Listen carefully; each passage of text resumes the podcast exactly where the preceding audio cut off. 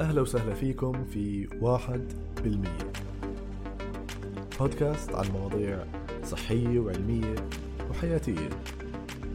الهدف منها إنه نتعلم ونحسن صحتنا وحياتنا ولو واحد بالمية. أنا الدكتور آدم مطاينة وأهلا وسهلا.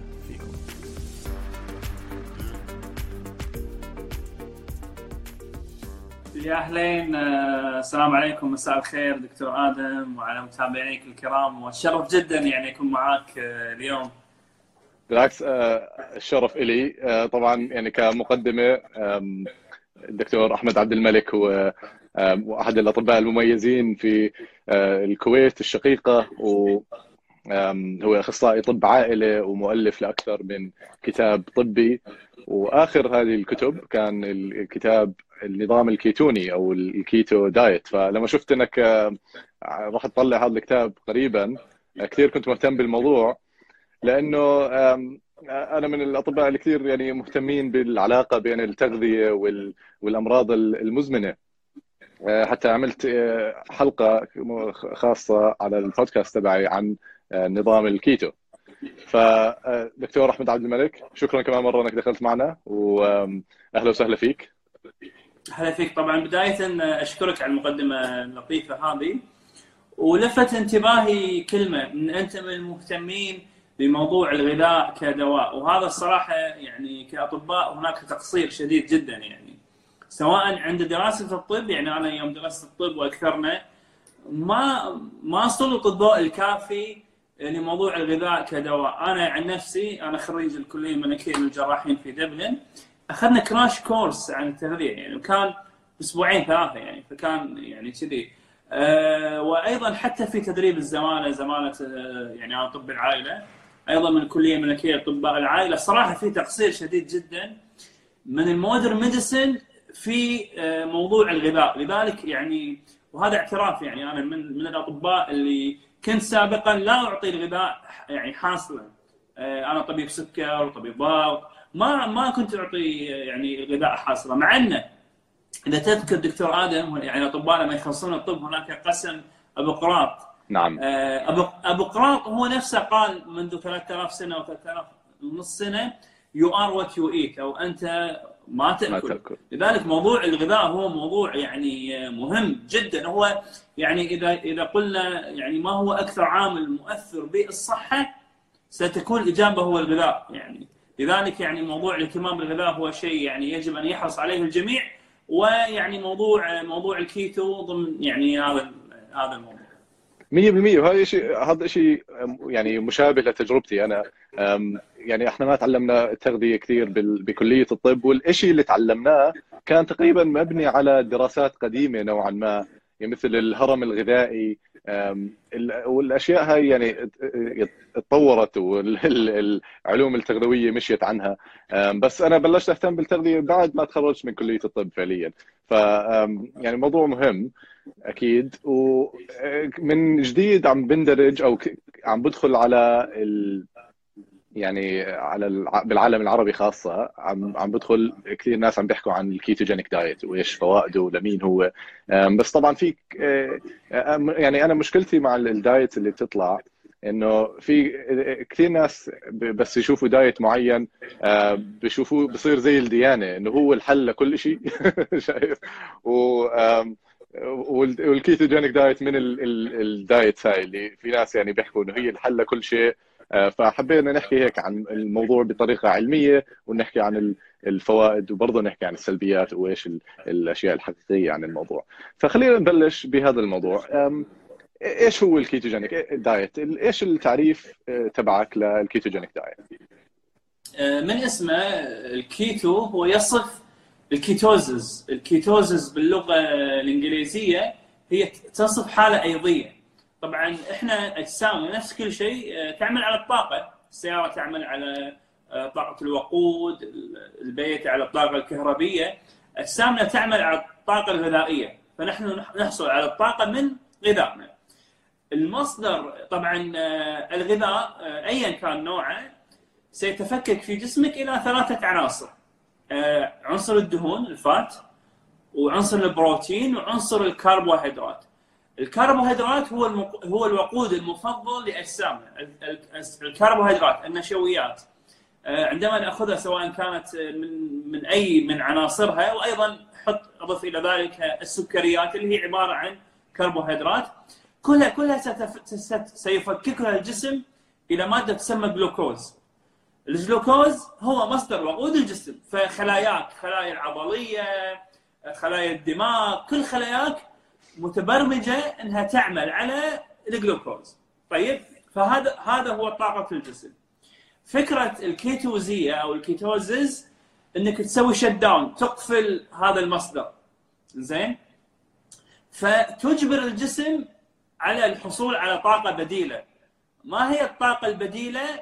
هي تسمى الكيتونات. آه، الكبد آه، في حال عدم توفر الجلوكوز يحول الكيتونات إلى طاقة. هذه الكيتونات من أين تأتي؟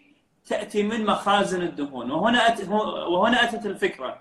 فكرة بسيطة جدا. توقف الجلوكوز كمصدر وقود للجسم.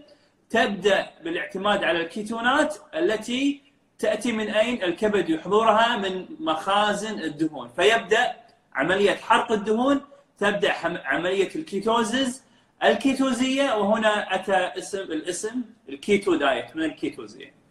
جميل. يعني هو تحويل مصدر الطاقة الرئيسي للجسم من الك... من ال... المعتمد على الجلوكوز أو الكربوهيدرات بشكل عام إلى المعتمد على الكيتونات اللي جاي من الدهون. وهي الدهون ممكن تكون الدهون المخزنة في الجسم أو الدهون اللي ناكلها آه، عن طريق آه، ال ketogenic diet. جميل. طيب آه، دكتور هل أنت سؤال شخصي هل أنت اتبعت ال keto diet أو يعني آه، يعني أنت شو ال diet تبعك؟ لا أنا أنا الدايت تبعي اللي يرضي آه، مخي ويرضي شهيتي يعني.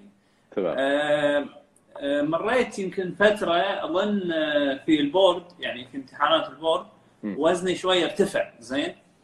فكانت يمكن الفترة الوحيدة اللي ما سويت فيها اتكن اللي هو high protein سويت فيها modified Atkins يعني أنا يعني آه، زدت كمية البروتين وزيادة كمية البروتين في الدايت آه، تزيد الحرق عندك وأيضا تزيد الإحساس بالشبع. فهذه يمكن الفترة الوحيدة. يعني أنا آه، يعني الحمد لله يعني وهذه رسالة للجميع إن أنا صار لي تقريبا يمكن ما بكبر عمري 15 سنة. وزني وزني ثابت بين ال 70 و 71 ما زدت ولا كيلو. ما زدت ولا كيلو. وفي عدة يعني تكتيكات لعمل ذلك لكن من تكتيكاتي إن أنا محافظ على الدايت. ترى أنا يعني أنا آكل. آه، دكتور آدم أنت أنت من من وين؟ أنا من الأردن. نعم. طيب أنا أنا من نقاط ضعفي الكنافة مثلا. وعندكم آه. بالاردن آه وعندكم بالاردن آه، كنافه نفيسة زين؟ وأنا 100% عشاقها فأنا يعني يعني يعني سبب استشهادي بهذا الموضوع إن أنا آكل. ما يعني إذا مثلا كنت معزوم مع أصدقاء ويابوا كنافه آكل كنافة وآكل بكمية وآكل. لكن عندي بعض التكتيكات. فأنا النظام الغذائي مالي هو نظام متوازن. هو هو نظام النظام الغذائي الكويتي الخليجي لكن مع إدخال تعديلات صحية آه، دخلتها مع مع اطلاعي آه، مع اطلاعي بالتغذية. مثلا دخلت مثلا يجب أن تكون السلطة موجودة مع الوجبة. إحنا كخليجيين دكتور آدم ناكل آه، رز عيش ومثلا لحم أو دجاجه أو سمك. فوجبتنا ناقصة بس بروتين وكربوهيدرات. فأنا دائما أضيف العنصر الثالث اللي هو عائلة الخضروات. مثلا أنا بالدايت مالي في شعار مثلا لا يوجد يوم يخلو من الفاكهة لازم آكل فاكهة باليوم. أنا من النظام الغذائي إنه لازم آكل مكسرات باليوم. فأنا هذه التعديلات اللي اللي سويتها خلتني ما أحرم نفسي خلتني مع النظام اللي أنا أحبه. آكل مكبوس لحم مكبوس دجاج مطبق سمك آكل كنافة آكل آيس كريم آه، أروح Cheesecake Factory لكن يعني بصورة عامة غذائي يعني في تعديلات صحية على الأكل اللي يحبه. وهذا يعني رسالة للجميع إنه يجب الواحد يصير نظام الغذائي هو اللي يحبه وتعود عليه مع إدخال التعديلات الصحية. 100% أنا ليش سألتك بس؟ لأنه يعني كنت بدي آخذ خلفيتك عن التغذية وإيش أنت يعني اللي بتعمله على حالك واللي اللي بتنصح فيه بشكل عام قبل ما ندخل على ال ketogenic diet بشكل خاص. آه، لأنه ال ketogenic diet هو أنا دائما بسميه واحدة من الأدوات اللي بنقدر نستخدمها. آه، بس مش الأداة الوحيدة اللي اللي بنقدر نستخدمها بالنسبة للتغذية، يعني بشكل مبسط إنه في تقريبا ثلاث أشياء بنقدر نستخدمها بالنسبة للتغذية. هي أو نتحكم فيها، هي وقت الأكل فنحصر الأكل تبعنا بثمان أو 10 ساعات باليوم، ثاني شيء الكمية اللي بناكلها بكل وجبة ممكن نقلل يعني كميات الأكل بكل وجبة. ثالث شيء آه، النوعية. فالوقت الكمية والنوعية. والنوعية ممكن نقلل الكربوهيدرات نزيد الدهون نزيد الخضروات نعمل vegetarian diet فكل التغييرات تبعت ال ketogenic diet تدخل بالنسبة لي تحت النوعية. ف إذا إذا إذا إذا تسمح لي أضيف عنصر يعني عنصر الجودة. أو ال quality يعني هي أيضا يعني أنا أظن يجب أن تهتم لها وأنا إنك مهتم لها لكن يجب أن تضاف لهذه القائمه يعني هذه القائمات لأن النوعيه الجودة يعني طبعا. 100% أكيد يقع تحتيها إنه الجودة إنه نبتعد عن ال junk food والأكل الجاهز. لأن هذا الشيء بدخلنا أصلا بكيف الواحد يتبع ال ketogenic diet. قبل ما نحكي عن فوائده وسلبياته يعني كيف الواحد اللي بده يعمل ketogenic diet إيش لازم يعمل؟ قبل لا يعمل ketogenic diet أول شيء يجب لا. أن يعني قصدي يعني كيفية آه، عمل ال ketogenic diet؟ يعني ها كيف يعمل كيتو طبعا شوف ال keto diet شعبيا ها؟ شعبيا يعني بلغة شعبية. هو دهون دهون دهون ثلاث دهون ها؟ دهون دهون دهون. بروتين ولا ولا نشويات أو سكريات. دهون دهون دهون بروتين. يعني هو بلغة شعبية. بلغة علمية 75% من سعراتك اليومية عبارة عن fat دهون. 25% بروتين. ويجب أن تكون ال carbs أقل من 5% يجب عمل ذلك آه، لأسبوعين على الأقل حتى تتم عمليه حتى يتم عملية آه، تحويل الأيض في جسمك من الجلوكوز إلى ال ketones. يجب آه، أو بعبارة أخرى يجب أن تكون الكربوهيدرات في أكلك أقل من 20 جرام آه، على بصورة متوسطة حتى تدخل في الكيتوزيه لمدة أسبوعين على الأقل. طبعا يعني فبشكل عام يعني نقلل الكربوهيدرات قدر الإمكان ونزيد الدهون. هيك الواحد بصير هيك الجسم بصير يبتعد عن الكربوهيدرات كمصدر وبصير يستخدم الدهون. طبعا اللي بيختلف من شخص لشخص قديش نسبة الكربوهيدرات اللي راح يأخذها لأنه في ناس بيحرقوا عمليات الايض تبعتهم بشكل أكثر. فإذا عندك يعني إذا شخص رياضي وبيلعب يعني عنده عضلات كبيرة وبيلعب ممكن يزيد الكربوهيدرات شوي. وبرضه تختلف نوعية الكربوهيدرات اللي ممكن ناخذها. لأنه الكربوهيدرات آه، يعني بشكل عام ممكن نقسمها ل fiber وكربوهيدرات مش fiber كربوهيدرات ال fiber ما لا يعني لا ما بتمتص لا يتم امتصاصها للجسم. فمثلا إذا فالأكل الطبيعي اللي فيه fiber مثل الفواكه نقدر نزيد منه كمية الكربوهيدرات شوي لأنه عارفين إنه جزء من ال fiber مش راح يدخل على الدم. بس المواد المصنعة آه، زي ما حكينا قبل اللي المفروض نبتعد عنها. ليش المفروض نبتعد عنها؟ لأنها فيها كميات كبيرة من الكربوهيدرات بطيء سريعة الامتصاص اللي هي الكربوهيدرات يعني البسيطة. طيب آه، دكتور صحيح دكتور دكتور قبل لا انتقل للنقطة هذه صحيح بعض الدراسات على موضوع الكيتو. أشارت إن بعض الناس ممكن يدخلون بالكيتوزية مع 40 جرام كربوهيدرات وبعض الناس يحتاجون أقل من 20 لذلك وضع رقم ال 20 كمتوسط يعني كمتوسط. أيوة أكيد. آه، بذلك نعم. آه يعني هي بس زي ما بيحكوا يعني قاعدة عامة بس لكل شخص ممكن تختلف. طيب شو راي شو رأيتك ل... يعني بالنسبة لكمية البروتين اللي الشخص لازم يأخذها؟ لأنه آه، البروتين نحن بنعرف إنه ممكن يتحول لكربوهيدرات إذا زاد عن حده أو إذا كان كمية بروتين كبيرة الجسم بيقدر يحولها لكربوهيدرات. و أنا شفتها على حالي by the لأنه أنا عملت عملت ketogenic diet آه، تجربة صغيرة لتقريبا أسبوع لتسع أيام عملت دخلت يعني أسبوع؟ لا أسبوع مو تجربة لا لازم خليني أحكي. طيب. خليني أحكي لك.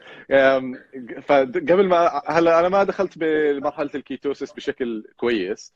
لأني ما عملتها بشكل مطول. ال- ال- الفكرة ليش أنا عملتها؟ بس عشان أشوف إذا بقدر أعملها يعني بقدر أشيل الكربوهيدرات مش عشان أدخل بمرحلة ال ketosis بالشكل الصحيح. وأنا عارف إني ما دخلت فيها بشكل صحيح.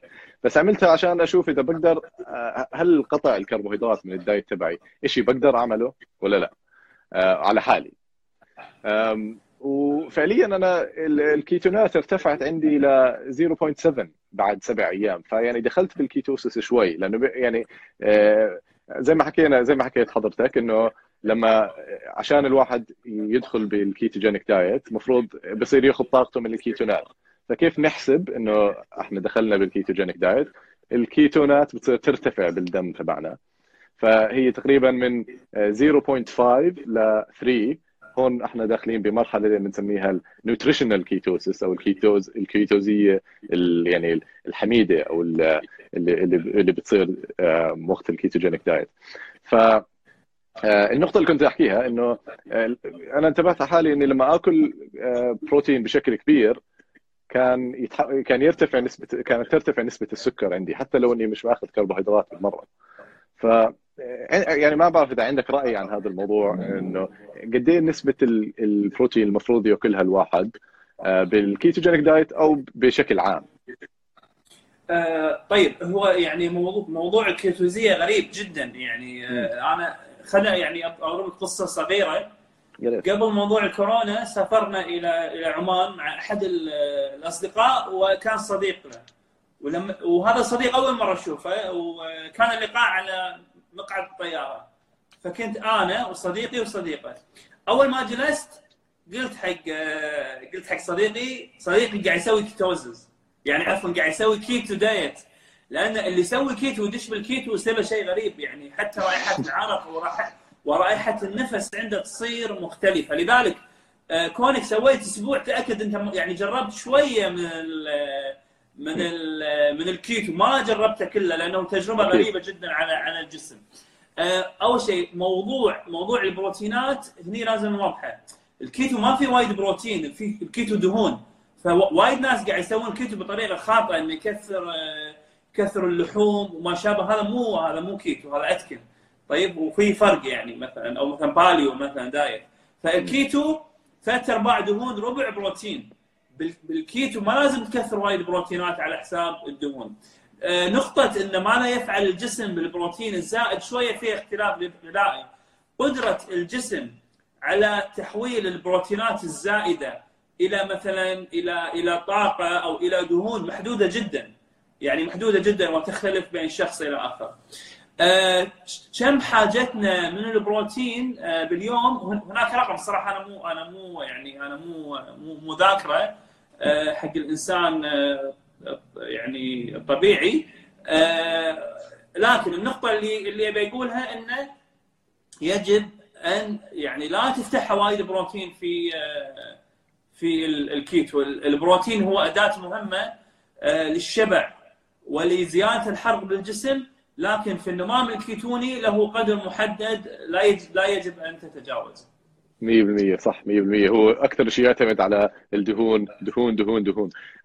قبل ما ندخل بهالشغلة يعني كثير ناس بيستغربوا إنه الجسم بيقدر يستخدم الكيتونات كطاقة. وفي ناس يعني كثير أنا سمعت من الناس بيحكوا إنه إذا قطعت الكربوهيدرات آه، كيف جسمك راح يعيش على الدهون؟ طب ال- ال- الدماغ مش بس بيعتمد على الكربوهيدرات من وين الدماغ راح يشتغل؟ فما بعرف إذا عندك آه، وجهة نظر عن هذا الموضوع.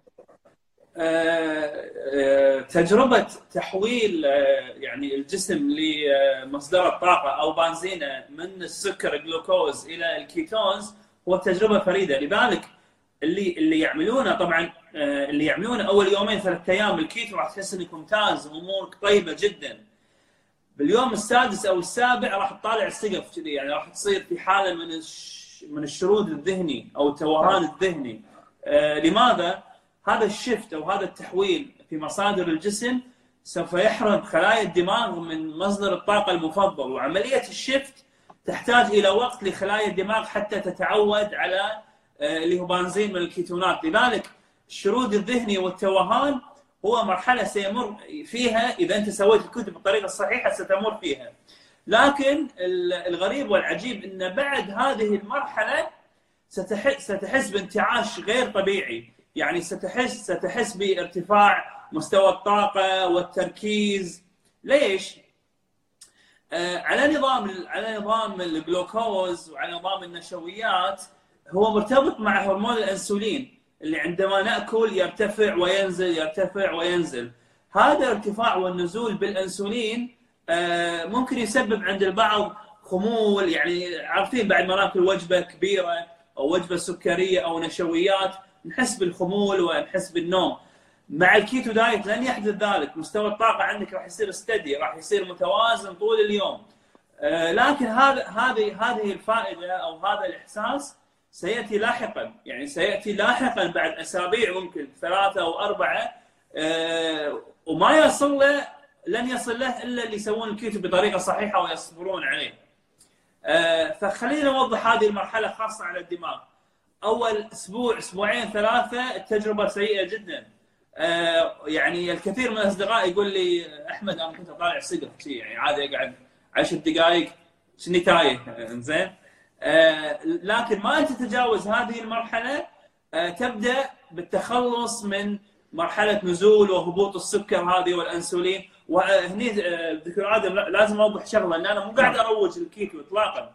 أنا قاعد أطرح أنا قاعد أطرح أطرح الكيتو بطريقة علمية بالدراسات المتوفرة وبالتجارب المتوفرة مو من مصدر واحد من العديد من المصادر يعني. تمام. طيب يعني خلينا ندخل بموضوع الفوائد والسلبيات ف يعني آه، اولا هل أنت بتنصح بال ketogenic diet؟ أنا أنصح إنك إنك تقرأ كتابي اللي راح أنزله عشان تستفيد وتستفيد. آه، هل أنصح بال keto diet؟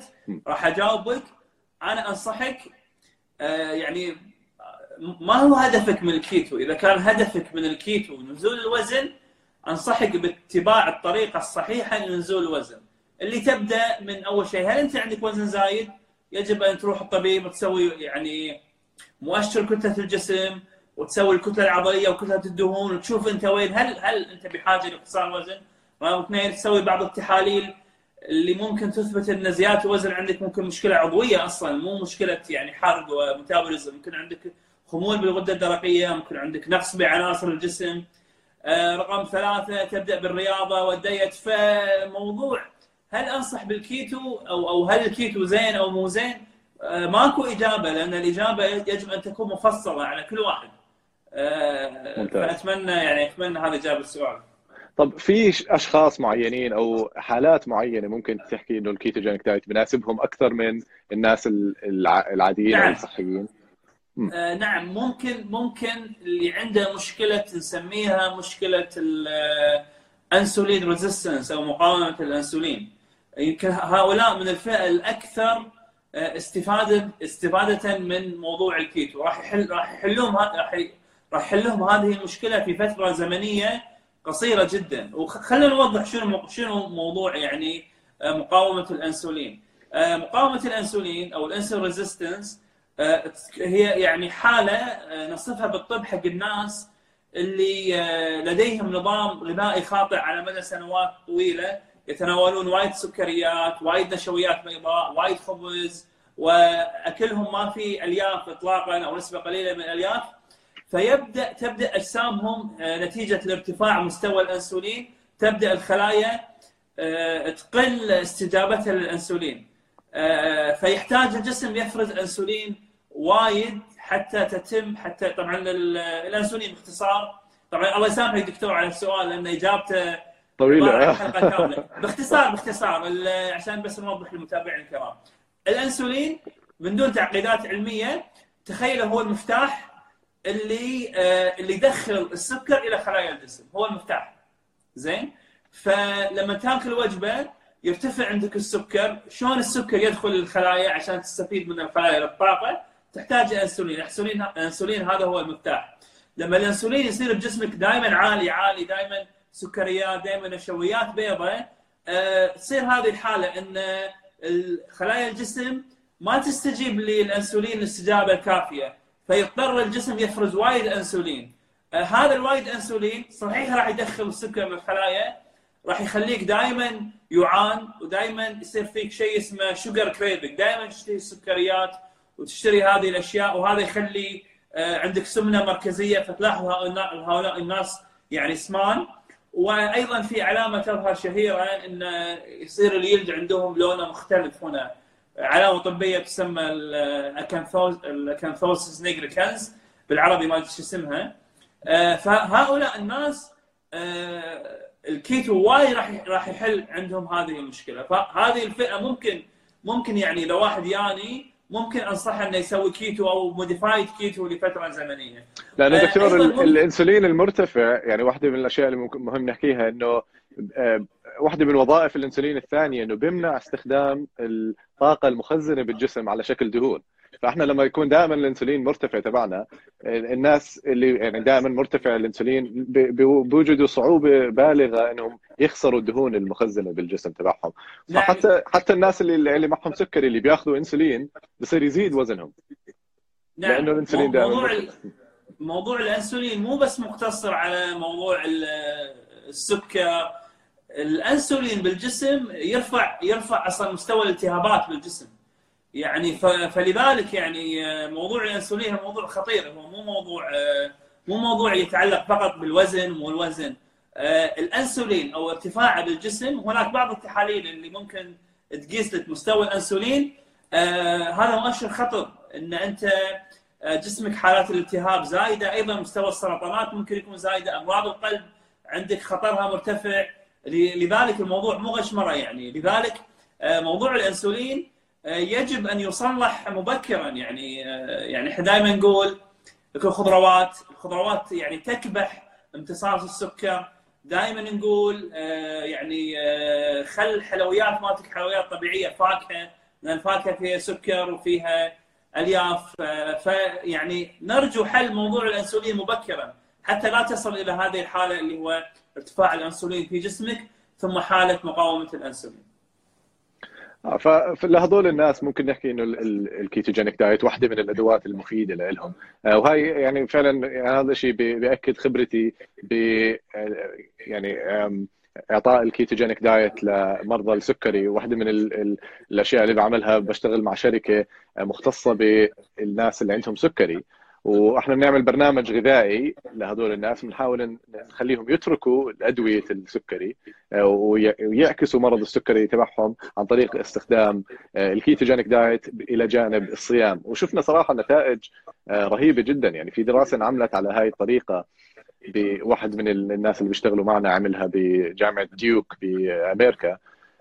وفرجوا إنه تقريبا آه، يعني 57% من الناس اللي مشوا على هذا النظام الناس اللي عندهم diabetes type 2 أو النظام النوع الثاني من السكري قدروا يعكسوا الأرقام تبعتهم. فالأرقام تبعتهم صارت يعني وكأنه ما معهم سكري على نظام ال ketogenic diet. وقدروا ينزل يعني يشيلوا آه، اعتمادهم على الأدوية. فأنا برأيي لمرضى السكري هي يعني وسيلة قوية جدا إلى جانب أشياء ثانية مثل الصيام للناس اللي بيقدروا يعملوها وللناس اللي طبعا اللي عندهم النوع الثاني من السكري بس ما يكون متقدم واصل لمراحله الأخيرة اللي يعني بيحتاجوا إبر إنسولين وهيك. نعم يعني بس حتى أكون يعني عادل في هذا الموضوع أه طبعا نظام الكيتو حق المصابين بمرحلة الاستعداد للسكر prediabetic والمصابين بمرضى السكر النوع النوع الثاني قد يكون يعني قد يكون شيء رائع لهم. لكن وأنا سأكون عادل. نعم. يستطيعون أن يحصلون هذه على هذه النتائج أو نتائج مشابهة مع نظام غذائي متوازن مع رياضة وحركة. هذا رقم واحد. يعني إحنا ممكن ممكن نستخدم الكيتو معاهم. لكن يجب أن يقال أن مع نظام غذائي متوازن آه، ممكن أن يحصلون على هذه النتائج. رقم واحد. رقم اثنين آه، أنا مشكلتي هني يعني كطبيب متخصص إنه ما هي الآثار يعني الأشياء البعيدة المدى أو الآثار بعيدة المدى. آه، وأنا هنا أعني انه يعني ممكن طبعا بكل تأكيد مستويات السكر وال HbA1c والسكر التحسسي سوف تنزل. لكن ماذا عن مثلا صحة القلب مثلا ماذا عن صحة القلب خلال 20 سنة أو 30 سنة آه، ماذا عن آه، مثلا موضوع آه، البكتيريا النافعة اللي بالجسم أثر الكيتو. يعني في في هناك يعني حتت لذلك أنا رأيي إن هؤلاء الناس بإمكانهم عمل كيتو لفترة ثلاثة شهور أربعة شهور strict keto. بعد ذلك ممكن يسوون modified keto اللي يدخلون بعض النشويات الكاملة الحبوب الكاملة آه، أنواع الفاكهة على هذا النظام الغذائي، إذا إذا كان بهذه الطريقة أنا أتفق أن هذا أسلوب جميل جدا لعلاج هذه آه، المشاكل. 100% أنا بتفق معك تماما يعني حتى يعني ما في دراسات بعيدة المدى على شغلة ال ketogenic diet، يعني في ناس كثير عملوا ال ketogenic diet لمدة طويلة ويعني ما ما ما شفنا أعراض يعني كثير خطيرة. وبالعكس الناس اللي عندهم بالعادة الناس اللي عندهم سكري يعني زي ما بتعرف بكون عندهم الكوليسترول مرتفع والشغلات هاي مرتفعة أصلا. فالدراسات بتشوف إنه لما لما يدخلوا على ال program الكيتو آه، بتقل بقل الكوليسترول وبزيد عندهم يعني الصحه الصحة القلبية. فصار شيء على الأغلب زي ما حكيت أنت هو لأنه تركوا الأشياء السيئة اللي عم بيأكلوها. مش صحيح صحيح. بسبب ال ketogenic diet. يعني ممكن لو آه، مشوا على نظام متوازن ممكن يلاقوا نتائج مشابهة. صحيح. في في شيء وايد مميز بالكيتو إنه مو بس ينزل كوليسترول إنه ينزل الدهون الثلاثية بشكل آه، كبير جدا يعني من من من الأشياء الجيدة في نظام الكيتو طيب شو هي سلبياته إذا هيك؟ خلينا نحكي ما بنعرف سلبياته بشكل كامل على المدى البعيد بس يعني على على المدى على المدى القريب إيش إيش ممكن تحكي إنه في سلبيات؟ طيب آه يعني آه السلبية الأولى اللي هي قلناها إن لا توجد دراسات بعيده المدى يعني هذه اول أول سلبية بالموضوع. لكن هذا لا يعني إن الكيتو غير آمن ولا يعمل. هذا يعني إن نظام الكيتو نظام جديد يعني. شيء ثاني آه ال keto flu أو انفلونزا الكيتو. وهي تجربة مو ليست يعني بعض الناس يظنونها سهلة أو بسيطة. آه، ال keto flu أو انفلونزا الكيتو نعني فيها مجموعة من الأعراض تظهر بعد اليوم الخامس أو السادس أو السابع أو الأسبوع الأول. وتستمر لمدة أسبوعين أو ثلاثة أسابيع. آه، الواحد يحس إنه كنا آه، مفلوز كنا في انفلونزا جسمه مكسر تعبان. كل هذه الأعراض ترمز إلى موضوع الانفلونزا الكيتو وهي ليست يعني بالكويت نقول مو مو غشمرة مو ضحكه حقيقية وتستمر. لكن الشيء الزين إنها سوف تقل تدريجيا ثم سوف تنتهي. أيضا بعض المشاكل الهضميه عند البعض ممكن يعني خاصة الإمساك. مشكلة نعم. الإمساك هي مشكلة شائعة جدا. آه، ممكن أيضا بعض التشنجات العضلية وهذا يعني من من ال side effect المشهور آه، ال muscle cramps لأنه يعني يجب أن نوضح إن مع الكيتو مع آه، الجسم يبدأ بإخراج السوائل من الجسم. حتى تتم عمليه يعني ال ketosis فيبدا عملية تقلص العضلات أيضا مع نقصان السوائل ممكن يكون هناك نقصان للمعادن بالجسم المغنيسيوم والبوتاسيوم وما شابه لذلك أيضا يعني ممكن أيضا تصرف بعض المكملات لهؤلاء الناس. آه، يعني هذه أبرز السلبيات يعني هذه أبرز خمس سلبيات في نظام آه، نظام الكيتو. طب شو رأيك عن السكر بشكل عام؟ يعني إحنا بنعرف انه النظام الكيتو بيقطع الكربوهيدرات بشكل عام ومن ضمنها السكر. بس يعني في أنظمة دايت يمكن تكون أخف كيتو معدلة أو low carb تبتعد عن السكريات البسيطة بس ممكن يعني تأكل الكربوهيدرات المعقدة بطيئة الامتصاص فهل برأيك هذا بديل أفضل من ال strict diet تبع الكيتو؟ طيب آه، موضوع آه، مرضى السكري لا مش عن السكري اسف آه. أنا أنا قصدي عن لا للناس الطبيعيين أو الناس اللي ما عندهم سكري طبيعيين طبيعيين طيب. طبعا في في يعني في من الأنظمة الغذائية نظام يسمى high protein low carb diet أو نظام مرتفع آه، البروتينات ومنخفض النشويات. آه، هذا ممكن يعني يعني يأتي بنتائج مشابهة للكيتو رقم واحد.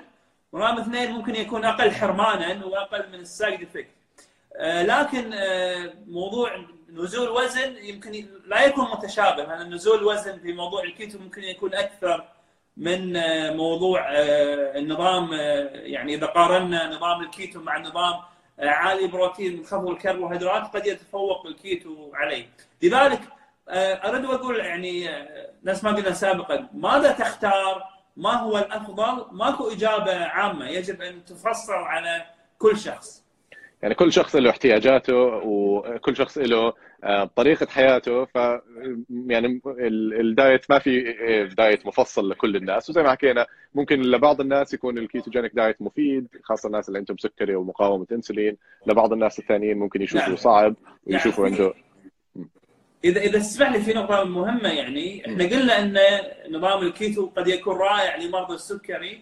لكن يجب أن نشير إن مرضى السكري النوع الأول أكيد. النوع الأول اللي يأخذون إبر آه يعني ممنوع يسوون كيتو قبل استشارة الطبيب خوفا من الهبوط أيضا مرضى السكر النوع الثاني اللي ماشيين على بعض الأدوية آه اللي نسميها السلفونيوريا اللي ممكن تسبب هبوط يجب أن يعني هم هم ليسوا ممنوعين من نظام الكيتو لكن يجب أن يعني آه يعملون نظام الكيتو مع آه مع أخذ الإذن الطبي من أطبائهم آه، خوفا من موضوع هبوط السكر اللي ممكن أن يصيب.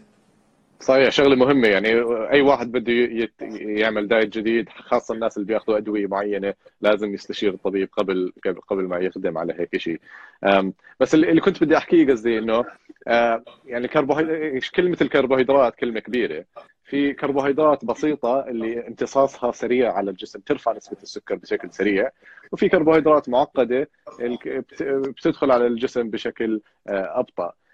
والشيء اللي آه، الفرق بيناتهم على شيء اسمه المؤشر الجلايسيمي يعني الاشياء العالية على المؤشر الجلايسيمي تدخل على الجسم بسرعة. الاشياء الواطية على المستوى الجلايسيمي آه، بترفع نسبة السكر بشكل آه، بطيء. فممكن نحكي إنه العصائر السكريات ترفع نسبة السكر بشكل سريع. ومعنها هاي كربوهيدرات بعدين إذا بناكل خضروات بترفع نسبة السكر الدم بشكل أبطأ مع إنه الثنتين كربوهيدرات. فأنا برأيي يعني كنت بدي آخذ رأيك عن هذا الموضوع إنه الكربوهيدرات اللي بترفع نسبة السكر بشكل سريع هي يمكن أكثر شيء لازم نبتعد عنه مش الكربوهيدرات بشكل عام. طيب الله شوف يعني آه، الله سبحانه وتعالى خلق الكربوهيدرات طيبة. يعني أو خلقها كومبلكس يعني أو معقدة أو طيبة. من اللي خربها؟ إحنا خربناها الإنسان صح. الإنسان خربها. وأعطيك مثال على حبة القمح. يعني حبة القمح الله سبحانه وتعالى خلقها يعني آه، بقشرتها وبنواتها فتعتبر كومبلكس كربوهيدرات يا الإنسان وشال شال القشرة الخارجية وسلبها من 90% وأكثر من محتوى الألياف والفيتامينات والمعادن وال antioxidant وخلى بس النواة فخلاها آه، الخبز الأبيض اللي يعتبر قنبلة قنبلة سكري. يعني ترى الخبز الأبيض لما تاكله يمكن امتصاصه أسرع من من الكاكاو أو من من الشوكليت.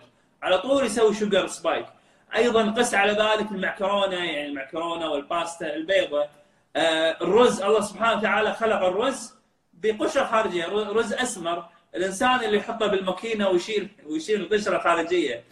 فلذلك آه، يعني آه، ال complex كربوهيدرات هي الأصل. يعني جسم الإنسان ما عنده مشكلة مع مع وايد مع ال complex مع النشويات المعقدة النشويات الكاملة. لكن تجي المشاكل مع النشويات البسيطة والنشويات البيضاء. هي تسبب المشاكل والمشكلة نفس ما قلت لك الإنسان الشرير آه، خلى ناكل عيش رز أبيض وناكل آه، خبز أبيض وناكل معكرونية بيضاء أكثر شعوب العالم تأكل بهذه الطريقة يعني آه، إلى إلى مؤخرا يعني قمنا نفهم يعني أنا طول عمري وأنا أكل خبز أبيض خبز أبيض ما كنت أدري يعني. أنا خلصت طب وأنا ما أدري أصلا شنو الفرق بين الخبز الأبيض والخبز الأسمر. بالضبط. يعني نفس الفكرة بالفواكه وعصير الفواكه.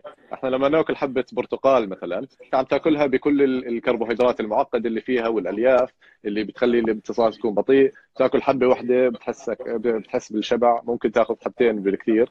بس إذا شربت عصير برتقال بدك تعصر أقل شيء أربع خمس حبات على ما تحصل على كاسة. وانت بس اخذت ال ال يعني اخذت ال السكر اللي فيها وبدون الاشياء الجيدة والالياف. فدائما إذا التزمنا ان ناكل الشيء بشكله الطبيعي هيك راح يعني ناخذ الكربوهيدرات بشكلها المعقد. نعم يعني أنا أتفق معك بس أختم بهذه اللفتة وهذه المعلومة. يعني إذا أخذت قاعدة وأكلت الطعام كما أخرجه الله سبحانه وتعالى من الطبيعة ما تحتاج إنك تفكر. complex ما complex معقد غير معقد. لكن تأتي المشاكل من ما أن يأتي الإنسان ويأخذ هذا الطعام ويحطه بالمصانع ويحطه بالأشياء فتختلف القيمة الغذائية ويخربط كل الموضوع. بالضبط. هاي يعني نصيحة رائعة. يمكن نختم هون. إذا آه، إذا عندك أي شيء ممكن آه، تضيفه بخلي الكلمة الأخيرة لك بس شكرا كثير دكتور أحمد عبد الملك إنك كنت معي اليوم. وبتمنى يعني آه، نعمل لقاءات ثانية عن مواضيع ثانية لأنه يعني أنا متابع من متابعين شغلك على السوشيال ميديا ويعني آه، آه، عندك كمية رائعة من المعلومات اللي المفيده جدا. فشكرا لكل الشغل اللي عم تشتغله وشكرا إنك طلعت معي اليوم. أتشرف آه، معاك يعني دكتور آه، يعني آه، إذا إذا كنا بنختم خلينا نختم على موضوع الكيتو يعني بزبدة أو بنسميها الزبدة أنا أحب أسميها القمندة يعني القمندة كلمة كلمة كويتية تعني الخلاصة والزبدة. ال keto diet بإمكانك أن تعمل الكيتو بطريقة سيئة وبطريقة جيدة. والشيء المميز بالكيتو بالطريقتين سوف تفقد الوزن. يعني إذا عملت كيتو بالطريقة السيئة ستفقد الوزن وإذا عملت كيتو بالطريقة الصحيحة أو الطيبة ستفقد الوزن. آه، لكن آه، تأكد إن هناك عواقب على صحتك للطريقتين، فإذا سويت كيتو نفس ما يسوونه الكثير للأسف أكلهم وايد فيه مقانق و sausage و processed meat وأكل مصنع آه، فتأكد في عواقب على صحتك. لكن بإمكانك تعمل الكيتو بطريقة رائعة. يعني تعمل الكيتو آه، مع بيض من المزرعة عضوي ومع اجبان طبيعية ومع الكثير من المكسرات ومع لحوم آه، يعني جيدة ولحوم طبيعية. آه، وسوف ينزل وزن وسوف تتحسن صحتك إلى إلى الأفضل. اللي بقوله لما إذا بتسوي كيتو ثلاث أرباع من سعراتك دهون. فإذا كانت ثلاث أرباع سعراتك دهون يجب أن تختار هذه الدهون لأن في فرق بالدهون وهذه الدهون ممكن تحدث أضرار كبيرة في صحتك. آه، النصيحة الأخيرة إنك لا تعمل الكيتو هكذا اعتباطا يعني آه، سمعت صديقك اخذت منه جدول وسويته يجب أن تعمله بالطريقة الصحيحة آه، وهني أنا أستغرب يعني الناس مستعدة تجرب أي شيء على اجسامها يعني مستعد يجرب على جسمه مثلا إذا قلت له تعال نجرب مثلا على سيارتك أو على تليفونك نجرب ما يخاف على سيارة تليفونه. لكن على جسمه صدق مستعد يجرب على جسمه. لا تجرب على جسمك أنت مو فار تجرب على جسمك يعني. آه، يجب أن تسوي الموضوع بالطريقة الصحيحة يعني سواء تبدأ بالطبيب تبدأ بإخصائي تغذية تسوي الكيتو بالطريقة الصحيحة. ونفس ما قلنا الكيتو آه، آه، نظام غذائي قد يكون جيد جدا. سويته بالطريقة الصحيحة لمدة زمنية آه، ويجب وممكن يكون ممكن يعني يؤدي إلى مشاكل صحية فاحرص سواء كيتو أو غير كيتو تعملها بالطريقة الصحيحة. ممتاز. شكرا لك دكتور وشكرا لكل الناس اللي دخلوا معنا ويعطيك الف ألف عافية. الله يعافيك.